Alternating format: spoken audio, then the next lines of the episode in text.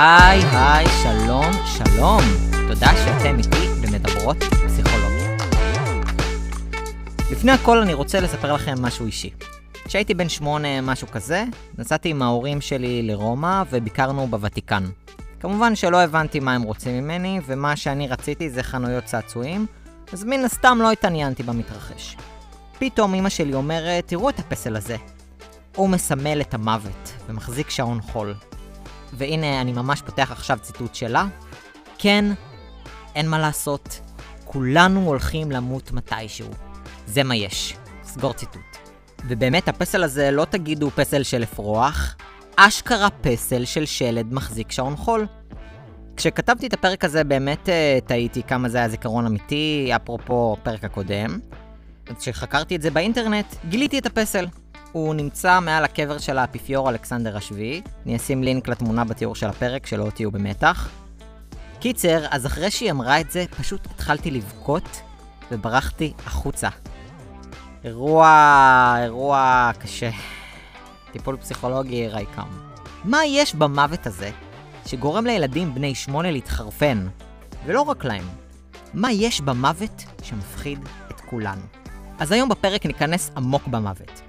נבין למה אנחנו מתעסקים יותר בכביסה שמחכה לנו בסל מאשר במוות של עצמנו.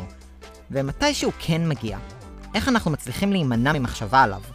נדבר על מה קורה לנו ולילדים שלנו שאדם קרוב אלינו נפטר, נבין מהי תגובה הגיונית ומה מדליקה נורות אדומות, ונסיים בלעשות שיעור קליל בנימוסים מעורבב בפסיכולוגיה.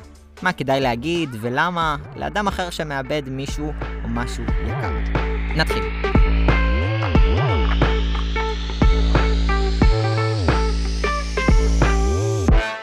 מה להגיד, המוות נמצא בכל מקום, וזה מפחיד, מפחיד ברמות אחרות. כשאנחנו מקבלים הודעת פוש על תאונת דרכים עם הרוגים, או רואים כתבה בחדשות שעוסקת באירוע ירי, זה לא נעים בכלל ולאף אחד. אנחנו מפחדים שזה עלול לקרות גם לנו, וזה לגמרי יכול להיות משתק. אבל מצד שני, הפחד הזה הוא שחשוב. הוא זה שגורם לנו לשמור על עצמנו, על הגוף שלנו, על הבריאות שלנו. מצד שלישי, יש לנו מנגנון הרחקה שמרגיש שלי זה לא יקרה, שזה הצד השלישי של המטבע. יפה רוי, מטבע עם שלושה צדדים. מחשבות על מוות הן שונות בעוצמה, בתדירות ובמשך שלהן כמובן. למשל, סיטואציה אמיתית, הייתי בבית מלון ליד הבריכה וקיבלתי הודעת פוש על מתקפה קטלנית באפריקה שבה נהרגו עשרות אנשים. שמעו, זה מאוד כואב, זה מזעזע, זה עצוב, אבל צ'יק צ'אק אני מעיף את זה מהמודעות שלי, כי מבחינה רציונלית זה רחוק גיאוגרפית וגם רגשית ממני. אז גמרנו, לא חושב על זה יותר. לעומת זאת, לפני כמה שנים היה פיגוע מזעזע במועדון בפריז, ואני זוכר שקמתי בבוקר, ראיתי את המבזק והייתי בהלם. פריז? בצרפת? הייתי שם. כזאת כמות של נרצחים? והפעם, הדחקה פשוטה לא מספיקה. צריך להפעיל פה משהו אחר. והכל לא מודע, כן? כשהפחד ממוות עולה, היפותזת העולם הצודק באה לעזור. מה זה הדבר הזה? זאת בעצם השערה, היפותזה, שאומרת שכל אדם מקבל את מה שמגיע לו. או שלאנשים שעושים דברים רעים או לא אחראים, קורים דברים לא טובים, לעומת אנשים שהם כן טובים ואחראים. למשל, אם אני שומע על רוכב קורקינט שנהרג בתאונה, אני אומר לעצמי, ברור, הקורקינטים האלה זאת סכנה, אז זה הגיוני. או במקרה של הפריזאים, אמרתי לעצמי, זה הגיוני כי הם לא לומדים להגן על עצמם מטרור. אז החרדה האיומה מצליחה להתמתן. ביטוי נוסף שקשור לכך הוא הפחתה בערך הקורבן. כלומר, זאת הנטייה לבקר ולהתנהג בשיפוטיות כלפי אלו שסבלו מתוצאות חסרות מזל, שממש לחלוטין מחוץ לשליטה שלהם. והדוגמה הכי קלאסית שאנחנו אומרים לעצמנו, למה למשל היא מתה מסרטן או מדום לב? קדימה, תענו לי. בדיוק. כי היא לא שמרה על עצמה. ואז אנחנו פתאום נהיים גורו של וולנס, של איך לחיות, ואומרים, אם היא הייתה אוכלת יותר דגנים, מעשנת פחות, פחות לחוצה, יותר שוחה, ובלה בלה בלה בלה בלה בלה בלה, הכל היה אחרת. כי זה כל כך מפחיד לחשוב שזה פשוט קרה. כי ככה זה. ואין לנו שליטה. אבל לצערי החיים הם לא הודעת פוש על דברים איומים שמתרחשים רחוק מאיתנו, אלא לפעמים הם מגיעים קרוב אלינו. ואז מה אפשר לעשות? פה תיאוריית ניהול האימה, או terror management theory, עושה לנו קצת סדר, ועוזרת לנו להבין איך חיים עם הפחד מוות ממוות הזה. התיאוריה הזאת הגיעה אלינו בשנת 1986, והיא אומרת שאנחנו, בני אדם, עליונים מעל חיות בהרבה מובנים, אבל דווקא בקטע הזה אפשר להגיד שהחיים שלהן קצת קלים יותר. הן לא עסוקות במוות. את הכלב שלי לא מעניין מה הוא הולך להשאיר אחריו. מעניין אותו מתי הוא יוצא לטיול ומקבל אוכל, שזה מה שנקרא להצליח בחיים. אנחנו נדפקנו. כדי שלא נרגיש שהחיים שלנו הם לא סתם שעון מתקתק, אנחנו צריכים להאמין שהחיים זה משהו גדול יותר מרק לחיות. משהו שיגן על הערך העצמי שלנו. מה שאנחנו שווים בחיים האלה, ההמשכיות שלנו, וזה כולל חברים, משפחה, מסורת, דת. ככה או ככה, כדי להתמודד עם המוות, אנחנו צריכים להאמין שאנחנו לא פה סתם. וזה מרגיע, אבל זה גם יכול להיות מסוכן. פעם, פעם, שהיינו אנשי קוף סתומים, זה לא עניין אותנו. דרמנו. וקברנו את המתים כדי להסתיר ריח של ריקבון. אבל, לאט לאט, כשהתפתחנו לאנשי קוף קצת יותר חכמים, הבנו שיש דבר כזה מוות, והוא יגיע, וזה מפחיד. וכדי לתת לחיים המשכיות, נהגנו לקבור את המתים עם קישוטים, חרוזים, אוכל וחפצים נוספים. מה שמצביע על אמונה בחיים שלאחר המוות. ואנחנו מדברים על יותר מעשרת אלפים שנה. התיאוריה הזאת אומרת שכדי שנתמודד עם הפחד ממוות, אנחנו פועלים בכל מיני ערוצים. ערך עצמי וקהילה ותרבות. אני אסביר. תחושת הערך העצמי והחרדה קשורות מאוד אחת בשנייה. כאשר אני מעריך בצורה גבוהה את עצמי, את היכולות שלי ואת התרומה שלי לעולם, אני פחות חרד, כי אני מרגיש משמעותי. למשל, אם מחשבה אינטנסיבית על מוות תיכנס לי לראש, העובדה שעשיתי פודקאסט עם X פרקים ו-Y האזנות, מרגיעה ממש במעט את אותה חרדה. כי אני אומר לעצמי, וואי, הנה, יש כאן משהו שנשאר אחריי. יש לי ערך בעולם הזה. אני הופך לסוג של בן על מוות כזה. מה הבעיה? אותה תהייה פנימית של מה הערך שלי בעולם הזה ובוא נעשה עם זה משהו, מתקיימת לצד אותה תהייה אומללה של מה שווים החיים האלה אם אני אמות. ערוץ נוסף הוא דרך התרבות והקהילה. בדרך כלל מפרידים אותו, אבל בעיניי הוא די אותו הדבר. לפי התיאוריה, אנשים נרגעים מכך שהם מרגישים חלק מקהילה גדולה, משמעותית, שתתקיים עוד שנים רבות וטובות. תדמייני שעוד מאה שנה המדידה שלך כבר לא תתקיים, ואת פשוט נעלמת בתוך דפי היסטוריה.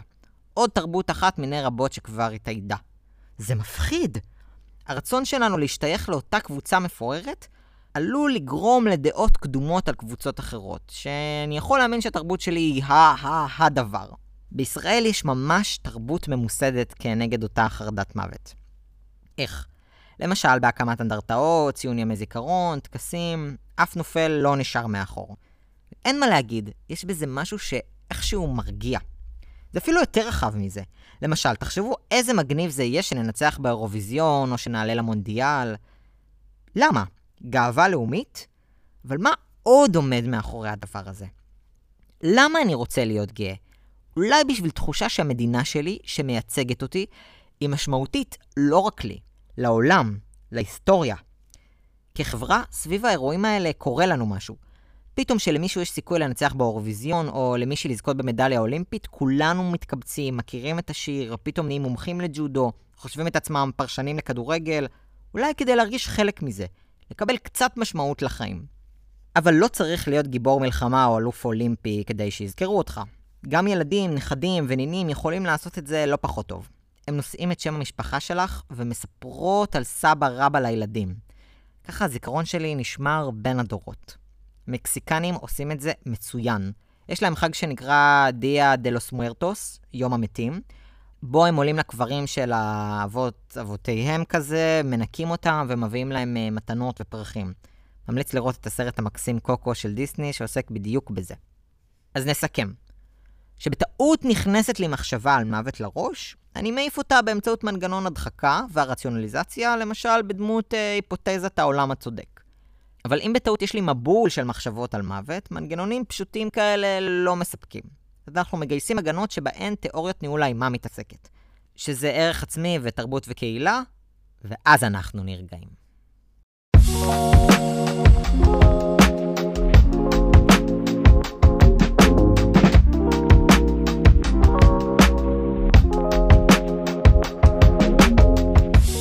עד עכשיו דיברנו על מה קורה שהמוות מדגדג אותנו. עושה לנו touch and go, הוא בא והולך, אבל מה קורה שמישהו קרוב אלינו נפטר והמוות כאן ולא הולך? שלא נדע. אז כמובן שכבר חשבו על זה ונבין ביחד על מה מדובר. אבל לפני זה אגיד שכל אחד ואחת מתמודדים עם אובדן בצורה אחרת. אני עכשיו הולך להציג משהו סכמטי עם שלבים, אבל השלבים האלה הם משהו די מלאכותי, שלא יכול לייצג את החוויה האנושית שהיא גדולה ועשירה ומורכבת, פשוט ניסיון, שלדעתי הוא דווקא די מוצלח, לתפוס חלק ממנה. אוקיי, את זה עשתה אליזבת קובלר רוס, פסיכיאטרית אמריקאית שחקרה תגובות לאובדן. היא פיתחה חמישה שלבים של אובדן. במקור היא התכוונה לחמישה שלבים של מוות, כי היא עבדה עם חולים סופניים וחקרה מה קורה להם במסע הזה, אבל במהלך השנים היא עשתה כל מיני שינויים, הרחיבה, צמצמה, ובסוף פיתחה את חמשת שלבי העוול, שהם לא רק שייכים לאובדן של אדם, אלא גם של מערכת יחסים, לחיה אהובה, לחפץ, לרעיון. השלבים בגדול הם הכחשה, כעס, משא ומתן, דיכאון וקבלה. בואו נעבור עליהם. השלב הראשון הוא הכחשה, ולא צריך להיות דוקטור בפסיכיאטריה כדי לחשוב על זה. הכחשה היא מנגנון הגנה די נפוץ שעוזר לנו להתמודד עם השוק הראשוני שהסיטואציה הזאת מייצרת. והיא סוג של מבלבלת לנו את המציאות. תגובה של אולי זו טעות, דוגמה קלאסית לכך. והאמונה שאולי מישהו יתקשר להגיד שזה לא נכון, או שזה לא באמת הסוף. אבל לצערנו הרב זה לא המקרה. זה יכול לקרות גם בפרידות, שהתחושה שלא נאמרה המילה האחרונה, שהדברים לא נגמרו, שעוד יש סיכוי שנחזור.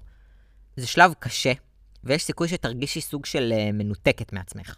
ששום דבר לא באמת חשוב. החיים השתנו לתמיד ולא בטוח שאפשר לעבור הלאה. אבל אלו תגובות נורמליות לחלוטין לאסון שכזה. הניתוק עוזר להתבונן ומייצר מרחב שבו את חוקרת ומבינה את הקצב שלך ואיך מתמודדים עם כל זה. הכחשה היא זמנית ועוזרת לשרוד את הגלים הראשונים של הכאב, ומפנה מקום לשלב הבא והוא הכעס. ויש לא מעט דברים לכעוס עליהם. הכעס הזה יכול להיות מפתיע במיוחד, ואפילו להרגיש זר לעצמי, אבל הוא מבטא כאב עמוק. הכעס הזה יכול להיות מופנה לכל הכיוונים, למעלה, למטה, אחורה, קדימה. זה השלב של אה, למה זה מגיע לי? למה אני? למה לא עצרת אותו? למה לא עשיתי מספיק? הכעס יכול להיות אפילו גם כלפי המנוחה. למה עשית לי את זה? למה עזבת אותי לבד בחיים? מי יהיה איתי? מי יעזור לי? אתה אפילו יכול לכעוס על עצמך שאתה כועס, וזה בכלל נהדר, כמובן, במרכאות. אבל הכעס הוא דרך של תקשורת, דרך להתחבר עם העולם אחרי השוק הראשוני. אין סיבה להיות שיפוטיים כלפי הכעס. בסוף מתחת לאותו הרגש קיים כאב צורב. זה גם לא חייב להיות כעס. יכול להיות גם חרדה ופחד, מרירות, פסימיות, עצבנות. כל אלו דרכים מאוד לגיטימיות להתמודד עם סיטואציה מאוד קשה. השלב הבא במודל של קובלר רוס הוא משא ומתן. וזה משא ומתן לא פחות קשוח מלעשות הסכם שלום, זה שלב שמאפשר תחושה של שליטה ותקווה במצבים המורכבים האלו. השלב הזה פחות נפוץ בתהליכי אבל שהאסון כבר קרה, אלא לקראת הסוף, בעיקר אצל אה, חולים סופניים. אמירה יכולה להיות, אם אני אצא מזה, אני אתנדב uh, כל יום שישי. אם מחלים, אני מבטיחה להפסיק לעשן ולהתחיל להתאמן. זה יכול להיות גם שאנחנו מזומנים לשימוע. בעבודה, ולהגיד לעצמנו, אם לא יפטרו אותי, אני מבטיח להפסיק לעשות את עצמי עובד ובאמת לעבוד. זה אמירות של אם, אז. האמירות האלה נותנות לנו פתח של שליטה שהמצב לא ברור. סוג של אמונה שיש לי כוח להשפיע על המצב הנוכחי. ויש עתיד שאני מדמיין את עצמי בו. לא הכל נגמר. אבל יכול להיות שהרכבת כבר מזמן עזבה את התחנה. השלב הרביעי והלא מפתיע, אבל כן מפתיע של איך לא בא קודם, דיכאון. אני מסתכל על זה כמו על uh, טיסה לחלל. כשקורה לנו האירוע הקשה, אנחנו ממריאים ומתנתקים מהעולם, ההכחשה. ואז הכעס והמשא ומתן, שזה כמו להיכנס דרך האטמוספירה, ואז הדיכאון הוא הנחיתה בעולם. עדיין לא דיברנו על מה זה דיכאון ב-DSM, אבל לא צריך את זה כדי להבין את הקונספט. הדיכאון באבל זה לא דיכאון קלאסי. לא שיש דבר כזה בדיוק קלאסי, אבל מה שאני מתכוון להגיד זה שדיכאון משתנה בין אדם לאדם. בשלב הזה אנחנו מתחילים לקלוט מה קרה. מה איבדנו? והחזרה הזאת למציאות בה יש ואקום של מה היה ועכשיו כבר אין, קשה לנו. מדכאת אותנו.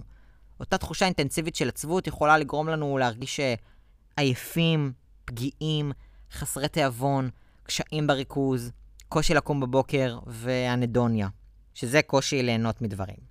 בתוך הדיכאון הזה יש גם הרבה אור. כי בסופו של דבר זה שלב טבעי, ואני מדגיש זמני והכרחי בתהליך הקשה של האבל. השלב האחרון שלנו הוא קבלה. כשאנחנו מקבלים, אנחנו לא יוצאים לעולם הפי הפי ג'וי ג'וי לחיים. לא, לא בטוח, וכנראה שלא.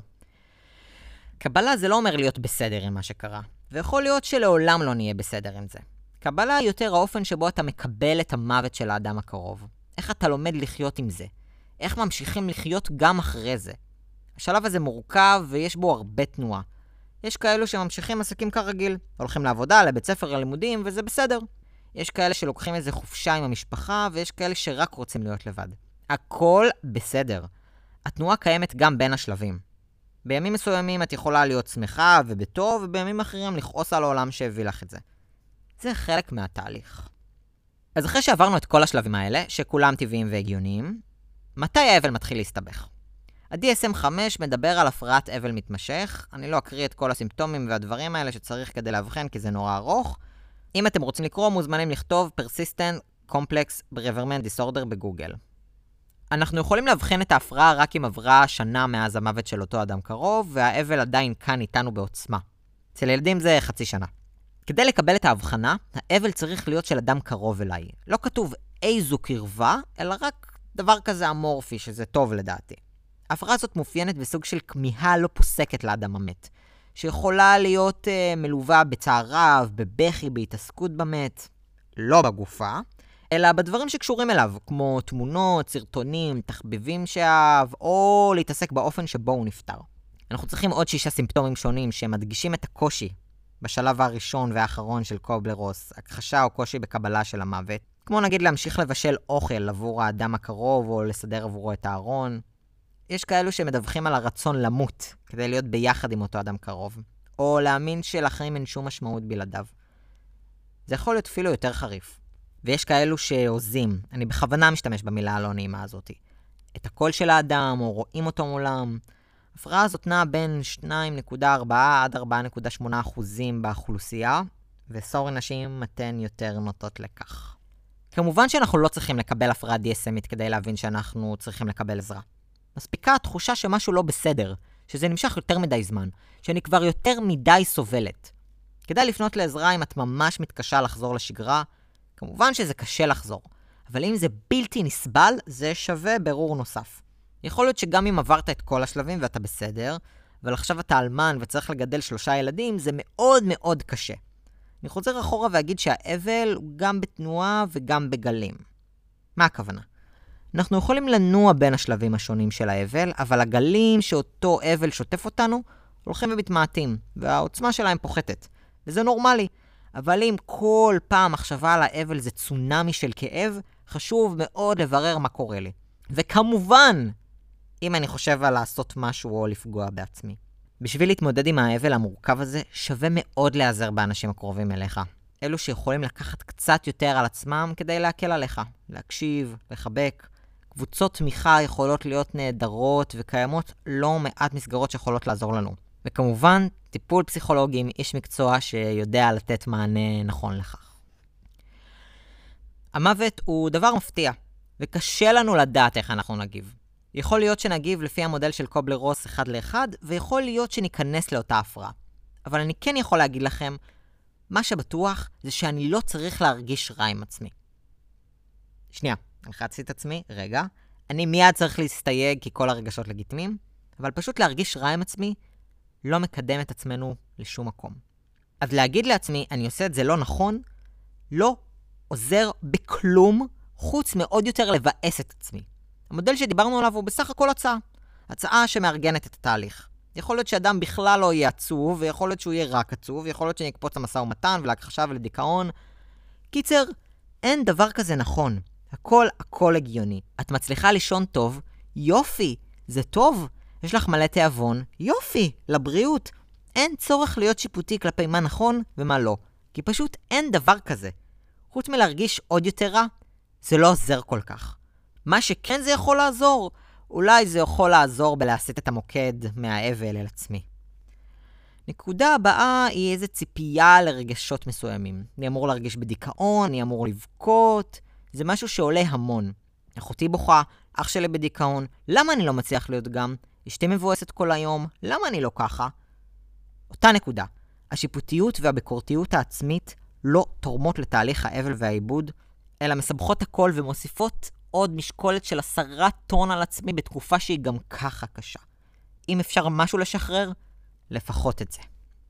אז עד עכשיו דיברנו על אבל במבוגרים, אבל אני פה להזכיר לכם שיש לי מטופלים ילדים, ולכן לא נתעלם מהם. איך ילדים מתאבלים ומה צריך לעשות. הדבר הראשון שמעניין אותנו הוא בין כמה הילד. זה מאוד משנה אם היא תינוקת, ילדה או נערה. כמו מבוגרים, יש שונות גבוהה גם בתגובות של ילדים. יש ילדים שזה בכלל לא יזיז להם והוקוס פוקוס חוזרים לגן, ויש ילדים שלא מצליחים להקים את עצמם ועלולים לסבול גם מאותה הפרעה שדיברנו עליה מקודם. יש כל מיני גורמים שיכולים להשפיע על התמודדות עם אבל. למשל, תמיכה משפחתית, קשר עם ההורים, משאבים וכוחות פנימיים, קשר עם הנפטר והתפתחות שפה. למה שפה? כי כשאנחנו לומדים לדבר, האופן שבו אנחנו ממשיגים את החוויה שלנו מתרחב. אצל תינוקות זה משהו מאוד מצומצם, כי הם בקושי יודעים לדבר. מעבר לשפה, קשה להם לתפוס מה זה אומר מוות. ותינוק יכול לבקש את אותו סבא או אימא שנפטרו, שזה... מה זה עצוב לדמיין את זה? אותם תינוקות רכים יכולים לבטא את האבל בכל מיני אופנים. למשל, להתחיל לשאול שאלות מאוד קשות, כמו מה זה מוות, מה קורה אחרי שמתים, האם אתה, אבא שלי, תמות, האם אני יכול למות, ולמרות שזה מאוד קשה, ההמלצה היא כן לענות. כמובן לא בנאומים ארוכים ומורבידיים, אלא תשובות קצרות וענייניות. דרך נוספת ונפוצה היא באמצעות משחק. אני לא אשווק לכם כמה המשחק הוא שר על הנפש עבור ילדים, כי זה פשוט נכון. למשל, ילד יכול לשחק עם בובה שהולכת לבית חולים ולא חוזרת, או שהיא סתם מתה, וכדאי להתייחס לזה. זאת הדרך שלהם לאבד את זה, וכדאי לתת להם לעשות את זה. להשתתף בזה, וסביר להניח שמתישהו זה פשוט יחלוף מעצמו. מתי אנחנו נדאג? אנחנו נדאג שהמשחק יהיה אך ורק סביב מוות, שזאת תהיה התמה העיקרית. ואם המשחק אלים, קשה וללא תקווה, נבין שמה שקורה כאן זאת החוויה של הילד, ולכן כדאי שנתייעץ על כך עם uh, מי שצריך. עם ילדים זה סיפור אחר, דומה אך שונה. ילדים יכולים להבין שמוות הוא סופי ומוחלט, שזאת הבנה מאוד מפחידה. ההכחשה של האפשרות שמישהו ימות היא עוצמתית. ואפילו אם זה יקרה, לא בטוח שהם עדיין יאמינו. מוות יכול להשפיע על ילדים ולגרום להם להגיב בכל מיני דרכים. דרך מאוד נפוצה היא כעס. כעס על החיים, כעס על האדם, כעס על העולם, וזה מופע שגם שכיח אצל ילדים שסובלים מדיכאון. הם יכולים לסבול מסיוטים, וגם המשחק שלהם יכול להיות יותר אגרסיבי. וחבר משפחה הופך להיות שק אגרוף של הילד. בהמשך לפרק שלנו על מנגנוני הגנה, גם רגרסיה עלולה להופיע. אם אנחנו רואים את ההתנהגויות האלה, ואפילו אם לא, כדאי לפתוח דיאלוג. לדבר על מה שקורה כאן. לשאול, להתעניין. אם לא מדברים על זה, ילדים יכולים לדמיין דברים הזויים לגמרי. לכו תדעו מה קורה להם בראש. וצריך לעזור להם לארגן את החוויה המאוד לא ברורה הזאת. עם נערים ונערות היינו מצפים שזה יהיה יותר קל, אבל אנחנו יכולים להמשיך לצפות. נערים נוטים לפנות יותר אל קבוצת השווים, החברים שלהם, שהם ינחמו אותם, שיתמכו בהם, וזה לא תמיד טוב. נערים הם לא פסיכולוגים, וזה בסדר, אבל סביר להניח שאני בקליניקה שלי לא הייתי מציע ג'וינט או כוס וודקה למטופל עצוב, שזה חבר כן יכול לעשות. אפשר מעט לחזות איך המתבגרת שלי תגיב. וזה תלוי בסיבת המוות, מי נפטר, הבשלות הרגשית של הנערה, ואם זה המפגש הראשון עם המוות. יש הבדל תהומי בין נערה ילדותית שאימא שלה נפטרה באופן פתאומי בתאונת דרכים, שזאת הפעם הראשונה שמישהו קרוב אליה נפטר, לעומת נערה בוגרת שאימה של חברה הטובה נפטרה ממחלה ממושכת, וזאת השבעה הרביעית או החמישית עבורה. ואנחנו, כהורים, צריכים להיות מודעים לזה ולפעול לפי זה. זה יכול להיות קריטי בהתמודדות עם אבל. אני מעודד אתכם לנסות ולדבר עם המתבגרים על מה שעובר עליהם. ומתבגרים, כמו מתבגרים, לא בטוח וסביר שלא ישתפו פעולה איתנו. אבל תמיד כדאי להישאר עם האוזניים כרויות עבורן. אני עושה איזה ספוילר לחלק האחרון, ואני רוצה להגיד שלפעמים אנחנו כהורים חושבים שלא כדאי לדבר על אבל. להציף את זה. כי בשביל מה? מה אני רוצה עכשיו, לבאס את הילד? לעשות לה רע? מה זה ייתן? זאת מתוך אמונה שאנחנו רוצים לגונן על הילד. ואם פתאום סבתא כבר לא תהיה, צריך להתייחס לזה. אנחנו צריכים לתת להם את הזכות להיות באבל. וכאן אני שואל ועושה ספוילר. מי כאן מפחד לדבר על המוות? זה מובן, הכל בסדר, אבל חשוב לשים לזה לב. כי כאן אנחנו מונעים מהילד חוויה נדרשת. התמודדות עם משהו קשה שהוא חלק בלתי נפרד מהחיים. ההתמודדות והתיווך של ההורה יכולים להקל במידה רבה את הנושא, שמתישהו בחיים של הילד בטוח שיעלה. ככה אנחנו עוזרים לבנות מודל של התמודדות, שזה בסדר להתמודד, שזה בסדר להיות עצוב, שזה בסדר לכעוס. בעצם לתת תיקוף ומקום לחוויה המורכבת הזאת. כדי לעזור לילדים להתמודד עם אבל, יש כמה דברים שאפשר לעשות. דבר ראשון, לדבר. פשוט לדבר. להוות מכל שיכול לקלוט את התוכן הזה. אם אתה מרגיש מוצף ולא יכול להתמודד עם זה, זה מה זה בסדר. אני עכשיו רוצה לקחת את תחושות האשם. גם אתה מתמודד עם אבל קשה. בשביל זה קיימת רשת תמיכה, שיכולה גם להוות סוג של מיכל, או טיפול פסיכולוגי שיכול להיות מקום לזה. עוד אפשרות היא לחיות את החיים, לחזור לשגרה. השגרה מסייעת לארגן את החוויה שהמוות הלא צפוי יכניס לחיים. זה עוזר גם לנו ועוזר גם להם. דבר נוסף שמאוד חשוב בעיניי הוא לציין את האדם, את החיה או פריט משמעותי שעבדו לנו. לכתוב סיפור, או לצייר ציור, או להפריח בלון לשמיים, לקבור את הצעצוע האהוב שלו, לשמוע שירים אהובים, להסתכל על תמונות. זה נותן מקום ועוזר לסגור מעגל. אנחנו מאפשרים לבטא את כל סקלת הרגשות ומנכיחים את החוויה המורכבת שלהם במציאות. אם אנחנו מרגישים שזה נדרש, אפשר גם לציין את יום ההולדת או את יום השנה לפרידה. הדבר הזה מאפשר לתת המשכיות מסוימת ומאוד מחוברת אל האדם שכבר לא איתנו, אלינו.